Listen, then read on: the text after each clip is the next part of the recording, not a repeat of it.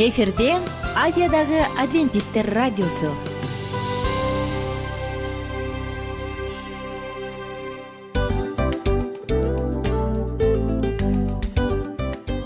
Достор салют. Баардык сүйүктүү угармандарыбызга салам айтабыз. Кутман күнүңүздөр менен. Ден соолук өмүрдүн булагы демекчи саламат саамы программасында баарыңыздарды көргөнүбүзгө абдан кубанычтабыз. Анда алгач амандашып өтөлү арбаңыздар деп. Ден соолугуңуздар кандай элибизде көбүнчө ден соолук кандай дегенде эле жакшы деп жооп беребиз э? ооруп турсак дагы жакшы дейбиз. Анан мен муну айтып ойлойт элем бул абдан сонун сөз депчи анткени бул жакшы деген үмүт да э ооба баары жакшы болот. Баары сонун. Деп үмүттөнүп атып эле өзүбүздү өзүбүз дарылап коебуз. Анысы кандай сиздин дагы ден соолугуңуз жакшы беш деген үмүттөбүз чындыгында ден соолук бул өмүрдүн булагы деп бекеринен айтылган эмес деп ойлойм. Кыргыз элинде анткени эгерде ден соолук жок болсо анда адамдын жашоосунда калган баардык керектүү маңыздуу нерселер өзүнүн баалуулугун жоготуп коет. Ошондуктан ден соолук бул эң керектүү нерсе. Ооба туура айтасың кесиптешим чынында ден соолугуң жок бир эки үч күн ооруп калсаң эле э кандай болуп калат? Жашоодо көз каранды болуп каласың көп нерсеге жетишпей каласың көп нерсени кыла албай каласың жада калса эшикке дүкөнгө да чыга албай каласың. Туптуура анан ден соолук болсо демек биз биздин бактыбыз тотой деп койсок болот. Анда достор саламат саамы рубрикабызды баштайлы. Алдыда өзүңүзгө керектүү болгон сонун кеңештерди уга аласыздар. Мына ошондуктан биз менен бирге болуңуздар. Ал эми биз болсо милан жана айнура. Кеттик алга. Алга саламат саама ден соолуктун жарчысы. Саламат саама ден соолуктун ачкычы. Күн сайын сиз үчүн мыкты кеңештер сонун жаңылыктар кызыктуу фактылар биздин рубрикада.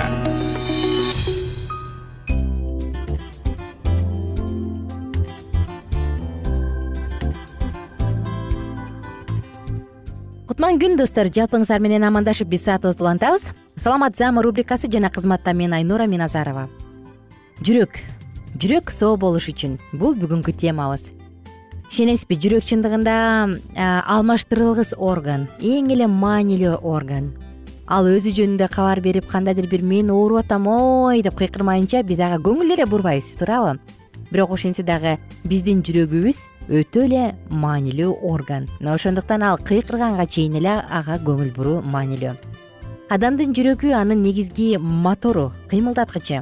Анткени жүрөк согуп турганда биздин ар бир тамырыбыздан биздин ар бир кан тамырыбыздан кан жүгүрүп өмүр берип турат. Качан ал токтогондо биздин өмүрүбүз ошол жерден токтойт. Ошондуктан достор алгач биздин жүрөктү жүрөк ооруларынан сакташ үчүн деги эле жүрөктү жакшы сакташ үчүн кандай көңүл буруп кандай нерселерди колдоно алабыз мына ушул жөнүндө сөз кылалы ден соолукту дагы абийир сыяктуу эле жаш кезиңден сакташ керек. Мына ошондуктан биздин ден соолугубузду жүрөгүбүздүн саламаттыгын кам көрүүнү каалай турган болсок анда ага дагы жаш кезибизден кичинекей кезибизден эле кам көрүү туура. Колуңуздан келишинче стресстерден депрессиялык абалдан уйкусуз түндөрдөн качыңыз жана инфекциялык жугуштуу оорулардан качканга аракет кылыңыз. Жана албетте биз канчалык жашыбыз жогорулап улам чоңойгон сайын саламаттыктын ден соолуктун баасын ошондо билебиз дагы анан баалай баштайбыз айырмасы жок сиз он сегиздесизби же кырктасызбы? Бирок кандай гана канча гана жаштуу болбоңуз? Эгерде сиз фармацевттерге доктурларга иштеп жашап калгыңыз келбесе алар үчүн жана кайсы бир фармацевттердин бизнесине айлангыңыз келбесе анда жүрөгүңүздүн саламаттыгын мына азыр кам көрө баштаңыз. Анда досум өзүңүздү колго алыңыз дагы жөнөкөй эле он кадамды жашооңузда сактап максималдуу жакшы абалда жашаңыз эң эле биринчи жүрөк ооруларынын алдын алып жүрөктүн саламаттыгын кам көрүүчүсү таң каласыз. Балким ой кантип эле дерсиз бирок бул чындык. Эң эле биринчи кезекте жагымдуу жана эң жеңил жөнөкөй нерсе кучакташыңыз. Ооба жүрөктүн ден соолугун сакташ үчүн кучакташыңыз. Кадимки эле кучакташуу эгерде сиз бул нерсени жакшы көрсөңүз анда сизге жакшы эле болду. Бул тамаша эмес бул илимий факт анткени күнүнө төрт жолудан көп кучакташып туруу кан басымын нормалдаштырат жана жүрөктүн ритмин стабилдештирет ошондой эле стресске каршы турууну жардам берет. Күнүнө жок дегенде төрт жолу бар дегенде сегиз жолу кучакташыңыз. Жакшы көргөн адамдарыңыз балдар үчүн өзгөчө бул өтө маанилүү. Ошондой эле өзүңүздүн эмоцияларыңыздын баардыгын ичке катпаңыз. Мейли ал позитивдүүбү мейли ал негативдүүбү бирок ыйлаган кезде ыйлап күлгөн кезде күлүңүз. Булардын баардыгы сиздин жүрөк кан тамыр ооруңуздун баардыгын алдын алат. Ичиңизге сактабаңыз. Кийинки кеңешибиз чылым чекпеңиз. Чылым чегүү жөн гана мындай маңызсыз иш. Иши макул болот болушуңуз керек э? Бардың бир нече акчаңды бердиң дүкөнгө алып келдиң чектиң кайра сенде тамеки чегүү каалоосу пайда болду кайра бардың кайра алып келдиң анан маңызсыз эле эмес бул пайдасыз. Анткени сиздин жүрөк кан тамырыңыз сиздин ден соолугуңуз өлүп жатат мына ошондуктан өзүңүздүн ден соолугуңузду убактыңызды акчаңыздын баардыгын сактап жүрөгүңүздүн саламаттыгына кам көрүңүз. Өзгөчө аял заты кырк жашка чейин эгерде дайыма тамеки чеге турган болсо кырк жашка чейин ал өзүнүн бетинин жагымдуу түсүн жоготот. Мырзаларда болсо импотенция пайда болот. Жана албетте чоң коркунучтар артынан келет кийинки айта турган кеңешибиз кан басымга көңүл бура жүрүңүз. Эгерде сиздин кан басымыңыз жүз кыркка токсондон өйдө боло турган болсо анда кан басымды коррекциялаш керек аны мүмкүн дарылаш керектир. Ошондуктан өзүңүздүн кардиологуңузга барасызбы же атайын кардиологко барып текшерилесизби кан басыңызды текшерип жүрөгүңүздүн согушуна сөзсүз көңүл буруп коюңуз. Кийинкиси туруктуу түрдө физикалык көнүгүүлөрдү жасап туруңуз. Күнүнө жок дегенде жок дегенде жүрөгүм оорубасын десеңиз отуз мүнөт жасаңыз күнүнө же болбосо жумасына кырк мүнуттан үч жолу. Тери чыга тургандай күчтүү мындай кыймылдуу көнүгүүлөрдү жасап коюңуз.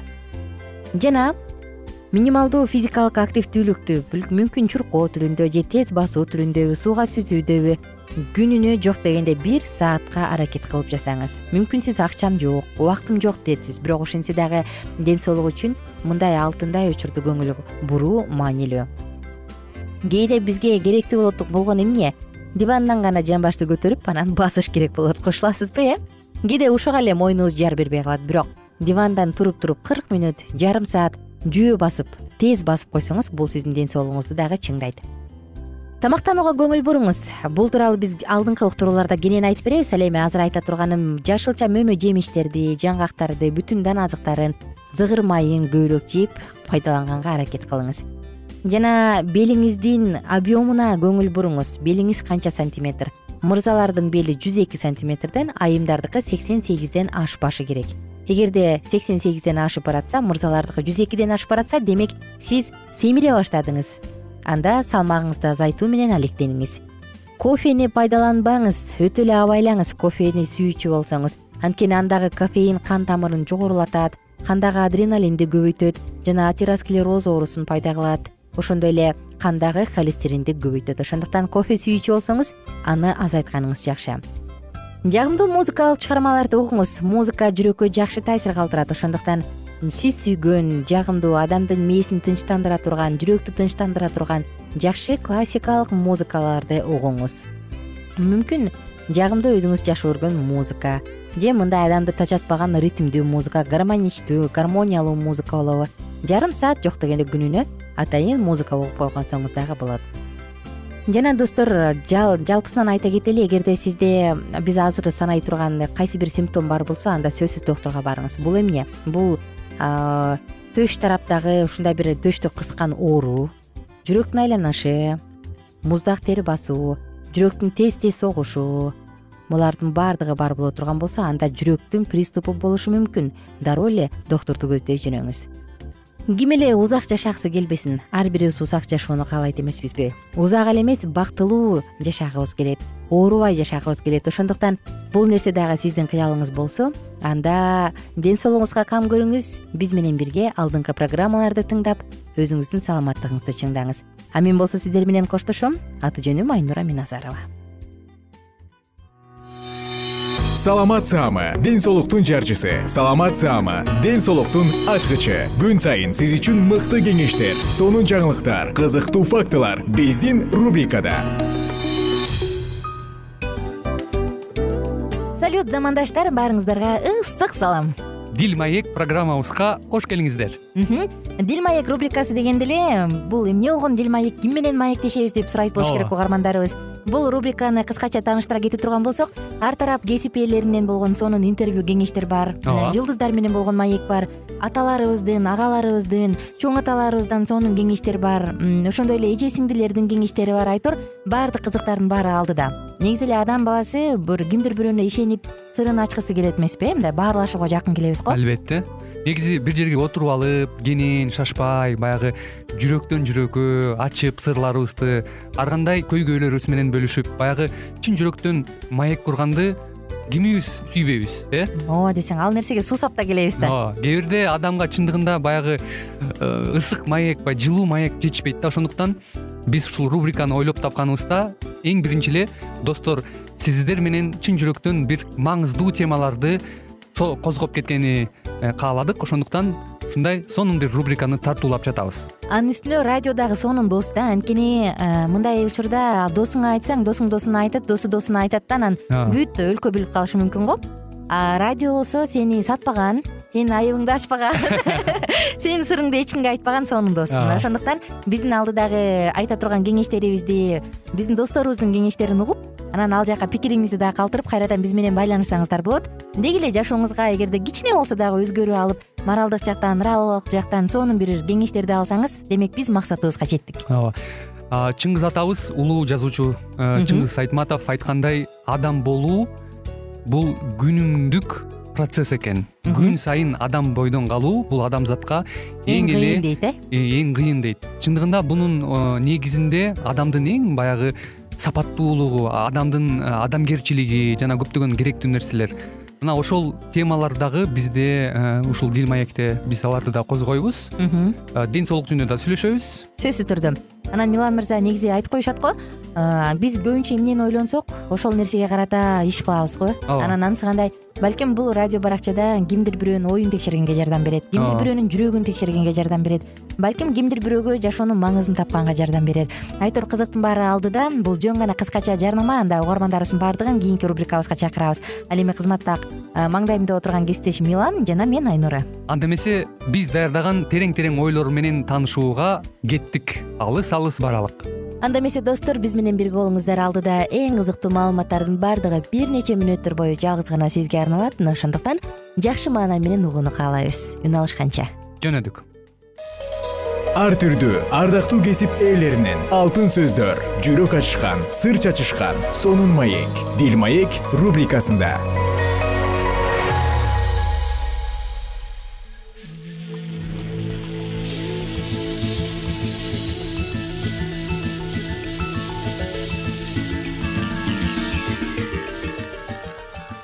ассалому алейкум ардактуу радио каармандарыбыз кайрадан эле сиздердин назарыңыздарда биздин ободо бактылуу никенин баалуу эрежелери аттуу программабызда кездешип жатканыбызга өтө кубанычтабыз.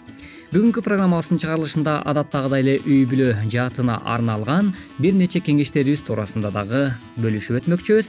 Атап айтсак үй бүлө бул кичинекей мамлекет. Дал ушул э, кичинекей мамлекетти курууда ар бир эле үй бүлө татыктуу балдарды тарбиялоосу абзел болуп саналат эмеспи. Андыктан бүгүнкү программада дагы дал ушул туурасында кеп кылмакчыбыз. Ал эми программабыздын баштаардын алдында биз бир окуяга назарыңыздарды оодарып өткүбүз келет. Атап айтсак атактуу амир темир аттуу аскер башчынын жашоосунан алынган аңгеме туурасында баяндап өтмөкчүбүз. Дал ушул мүнөттөрдө биз менен биргеликте болуңуз. Микрофондо кызматыңыздарда мен улан кубанычбеков жана ошондой эле кесиптешим. Саламатсыңарбы жана мен асель мамбетова атактуу кол башчы эмир темир бир жолу аскердик жүрүшүндө жети жылдай жүрүп калат экен. Ошондо анын жеңишинин жана келишинин урматына сүйүктүү жары бүбү ханым эстелик катары кылымдарга калуучу сарай салмак болот.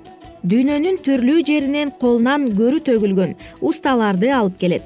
Эмир темирдин келээр күнү жакындап бирок сарай имаратынын бүтүшү кечеңдей берет. Мунун себебин издештирсе башкы уста бүбү ханымды ашыкча жакшы көрүп калыптыр да акыры анысын ханышанын эриндеринен бир өөп кой менен тамам кылмак экен. Мунусун бүбү ханымга эптеп билдирет. Акылдуу чырайлуу баардык жагынан келишкен аял жети жыл күйөөсүн көрбөгөн аял кырк жумуртканы ар түрдүү боекторго боеп подноско салып башкы устага жиберет. Уста аны алып бул аялдын тазалыгын түшүнөт. Алардын сырты ар түрдүү боектор ар кыл болгону менен ичи даамы баарыныкы эле бирдей деген маанини туят. Анан сүйгөн аялдын алдында өзүн эсепсиз күнөөлүү сезип өзүнө канат жасап мунаранын башынан учуп алысыраак барып өлөт дешет эгерде эркек таза кийинип анын аялы жакшы экен дейсиз анткени ал канчалык өзүн бапестесе да аялы үйүнүн жакшынакай кылып чыгарып турбаса баардык мээнет текке кетмек. Күйөөсүнүн бүт тышкы кебете кешпири тамак ичүүсү тың жүрүүсү аялы менен байланыштуу. Ал жолдошун эртең менен жумушуна жиберип кечинде даамдуу тамагы менен тосуп алат. Мындай мамиледеги эркектер көчөдө көрүнгөн жубандар менен азил сүйлөп жүрбөйт жарына таза болот жана да күйөөсү ак жүрөт. Эркек падыша аял акылман кеңешчи болгон гана үй бүлөнүн түркүгү бекем турат. Сени чындап сүйгөн адам эки бөлөк кеткенге миң себеп болсо да сени менен калууга бир себеп сөзсүз табат. Үй бүлө бул кичинекей мамлекет. Аны курууда балалуу болуп аларга татыктуу тарбия берүүдө жубайлардын бири бирине болгон мамилеси аркылуу үлгү көрсөтүүсү менен кичинекей мамлекеттин түптөлүүсү башталат. Үй бүлө куруудан мурун келечекте түптөлө турган мамлекеттин мүчөлөрүнө моралдык жана материалдык жактан жоопкерчиликти алуусу үй бүлө башчысынын милдети. Коомдук тынчтыгы бейпилдиги жана жаркын келечеги үчүн үй бүлөнүн баардык өкүлү адеп ахлактык жоболорго баш ийиши керек ал баалуулукту калкка сиңирүү үчүн курулай акыл насааттарды кайталоо бир буттап басканга тете ошол себептер кемеңгер ата бабалар тарабынан тарбиялык маанидеги көптөгөн жомок жана баяндар жазуу түрүндө да ооз эки түрүндө дагы мурасталган. Жакшы коомдун өзөгүндө үй бүлө турары бышык. Ал үчүн үй бүлөнүн түзүлүшүнө жана ага байланышкан эреже мыйзамдарга басым жасалат үй бүлөнүн ар бир мүчөсүнө өз өзүнчө укуктары менен бирге милдеттери кошо берилген. Анын ичинде жубайлардын бири бирине болгон укуктары милдеттери бар жана анын мүчөлөрү аларды так аткаруусу зарыл. Ал эми бала тарбиялоодо атанын жана эненин өз орду бар. Балдарга жакшы тарбия берүүдө ата энеси үлгү болушу тийиш ата эне бири бирине жылуу жумшак мамиле кылып сүйүү урмат сый түшүнүүчүлүк жана жардамдашуу аркылуу таалайлуу турмуш кура алат балдардын рухий жана психологиялык жактан чың болуусу үчүн үй бүлө башчылары жогорудагы айтылгандарды аткаруусу чоң мааниге ээ. Ошондуктан аял жана эркек экөө тең эки тараптан балдарынын келечегин ойлоп мындай ийгиликке жетүү үчүн аракеттенүүсү керек албетте бактылуу үй бүлөнүн баалуу эрежелеринде сиз сөзсүз түрдө баягы өзүңүздүн никелик жашооңузду бекемдөөдө татыктуу өмүр сүрүүнү бүгүнкү учурда сөзсүз түрдө анын даамын таткыңыз келип турган болсо албетте бул эрежелерди аткаруу менен биргеликте өзүңүздүн никелик жашооңузду бекемдегенге дали болсо салым кошкон болот экенсиз. Андыктан бүгүнкү программабызда айтылган баардык кеңештер сиздердин жашооңуздарда аткарылсын деген тилегибизди дагы айтып кетүү менен биргеликте маегибизди улантабыз чынында эле үй бүлө бул биздин коомубуздун күзгүсү демекчи. Ата энеси кандай болсо балдары дагы ошондой болмокчу. Биз мисалга ата энелер чоң жоопкерчиликти мойнубузда экенин так билишибиз керек экен. Бизди көрүп биздин балдар бизди туурап чоңоет экен. Биздин үй бүлө кандай болсо эртеңки күнү балаң дагы ушундай үй бүлө курат деп эсептейт экенбиз сөзсүз түрдө андыктан мындай нерселерди эске алуу менен биргеликте дагы биз келечекте татыктуу үй бүлө куруу менен биргеликте. Деги эле э, бала тарбиялоодо негизинен эле э, коомчулукка жакшы инсандарды э, өстүрүп чыгарууда ар бир эле атанын жана эненин жоопкерчилиги өтө чоң милдет мойнубузда турганын эч убакта эсибизден чыгарбообуз албетте зарыл эмеспи. Андыктан бул нерселерди сөзсүз түрдө жашооңуздарда аткарып жана өзүңүздүн никелик жашооңузда бактылуу никенин чыныгы даамын тата бериңиз деген тилегибизди билдирүү менен биргеликте ушуну менен бизге бөлүнгөн убактыбыз дагы өз соңуна келип жетти. Бүгүнкү программабыздын чыгарылышында сиздер дал ушул үй бүлө жаатына арналган бир нече кеңештер туурасындагы айрым бир э, окуяларга күбө болдуңуздар. Демек бул айтылган баардык кеңештер сиздердин жашооңуздарда жакшы бир мыкты натыйжасын бере берсин деген тилек менен программабызды жыйынтыктамакчыбыз. Кайрадан эле биз сиздер менен бактылуу никенин баалуу эрежелери аттуу уктуруубуздан кезиккенче ар бириңиздердин үй бүлөңүздөргө аманчылык жана ошол эле учурда тынчтык жашоону каалоо менен программабыздын көшөгөсүн жабабыз. Анда эмесе сак саламатта болуңуздар ар түрдүү ардактуу кесип ээлеринен алтын сөздөр жүрөк ачышкан сыр чачышкан сонун маек дил маек рубрикасында. Жан дүйнөңдү байыткан жүрөгүңдү азыктанткан жашооңо маңыз тартуулаган жан азык рубрикасы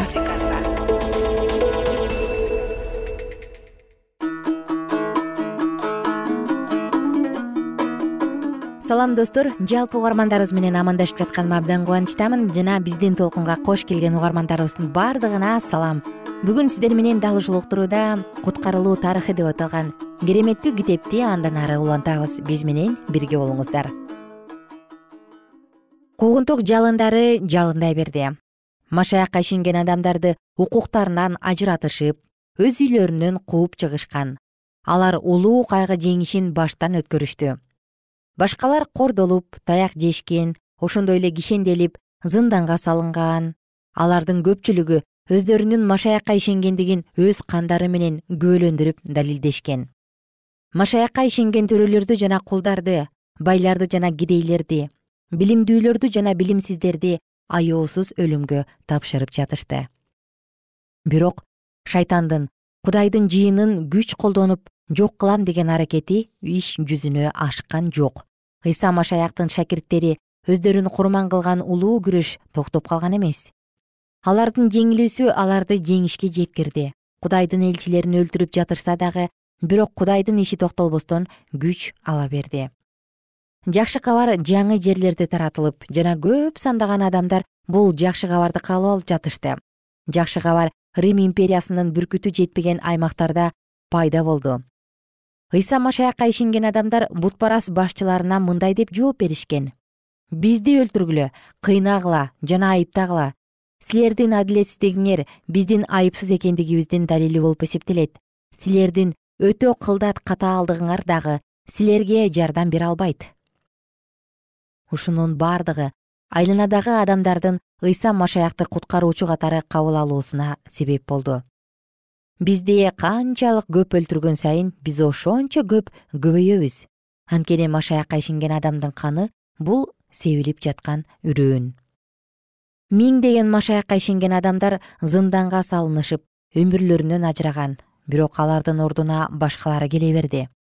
Машаякка ишенүү менен кыйналып өлтүрүлгөндөрдү жана ишенимде бекем тургандарды ыйса машаяк жеңүүчү деп атайт алар руханий эгин талаасында эмгектенишкен жана куткаруучу машаяктын келишинде аларга жеңиш таажысы берилет.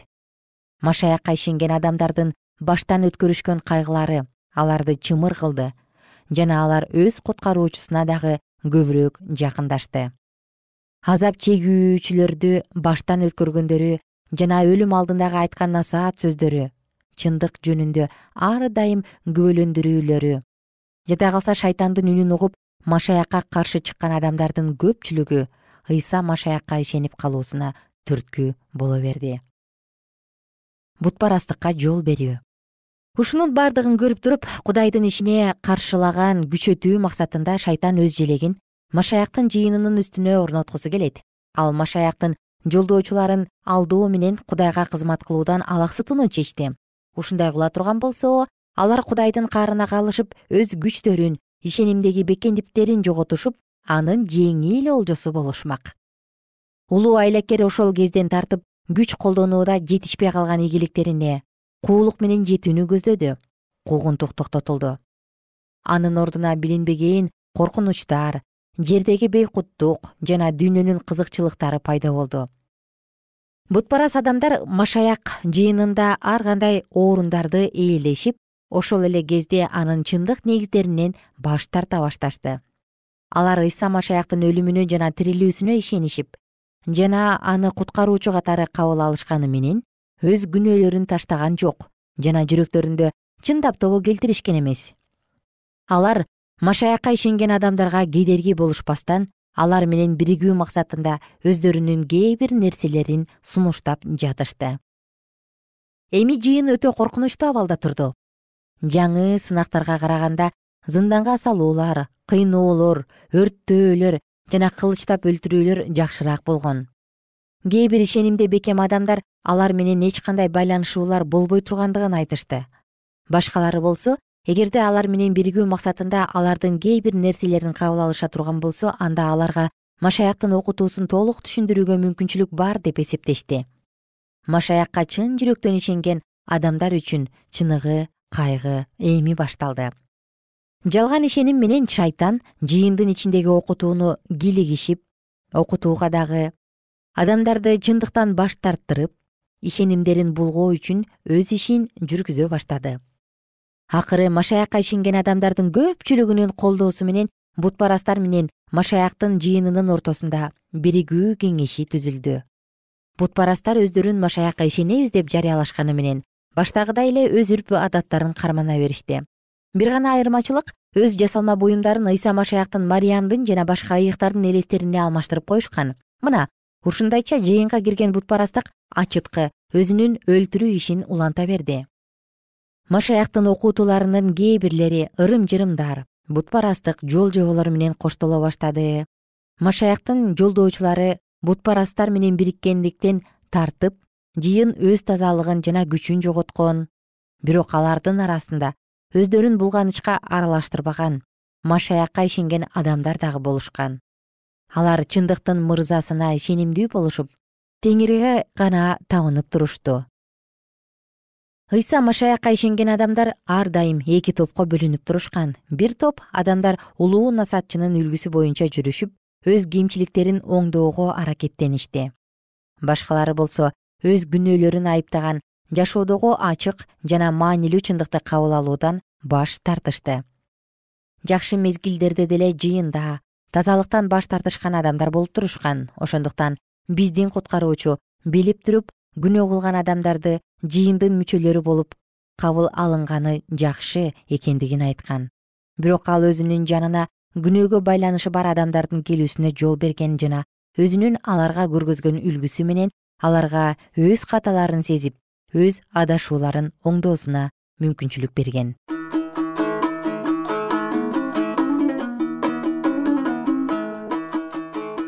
Ардактуу угарман окуябыз ушул жерден токтойт жана кийинки уктурууда сиздер менен бирге андан ары улантабыз. Ар бир биздин кадырлуу замандашыбызга ар бир биздин кымбаттуу угарманыбызга көңүлдүү күн жашооңузда дайыма жаратканымдын батасы болсун. Бар болуңуздар кайрадан амандашканча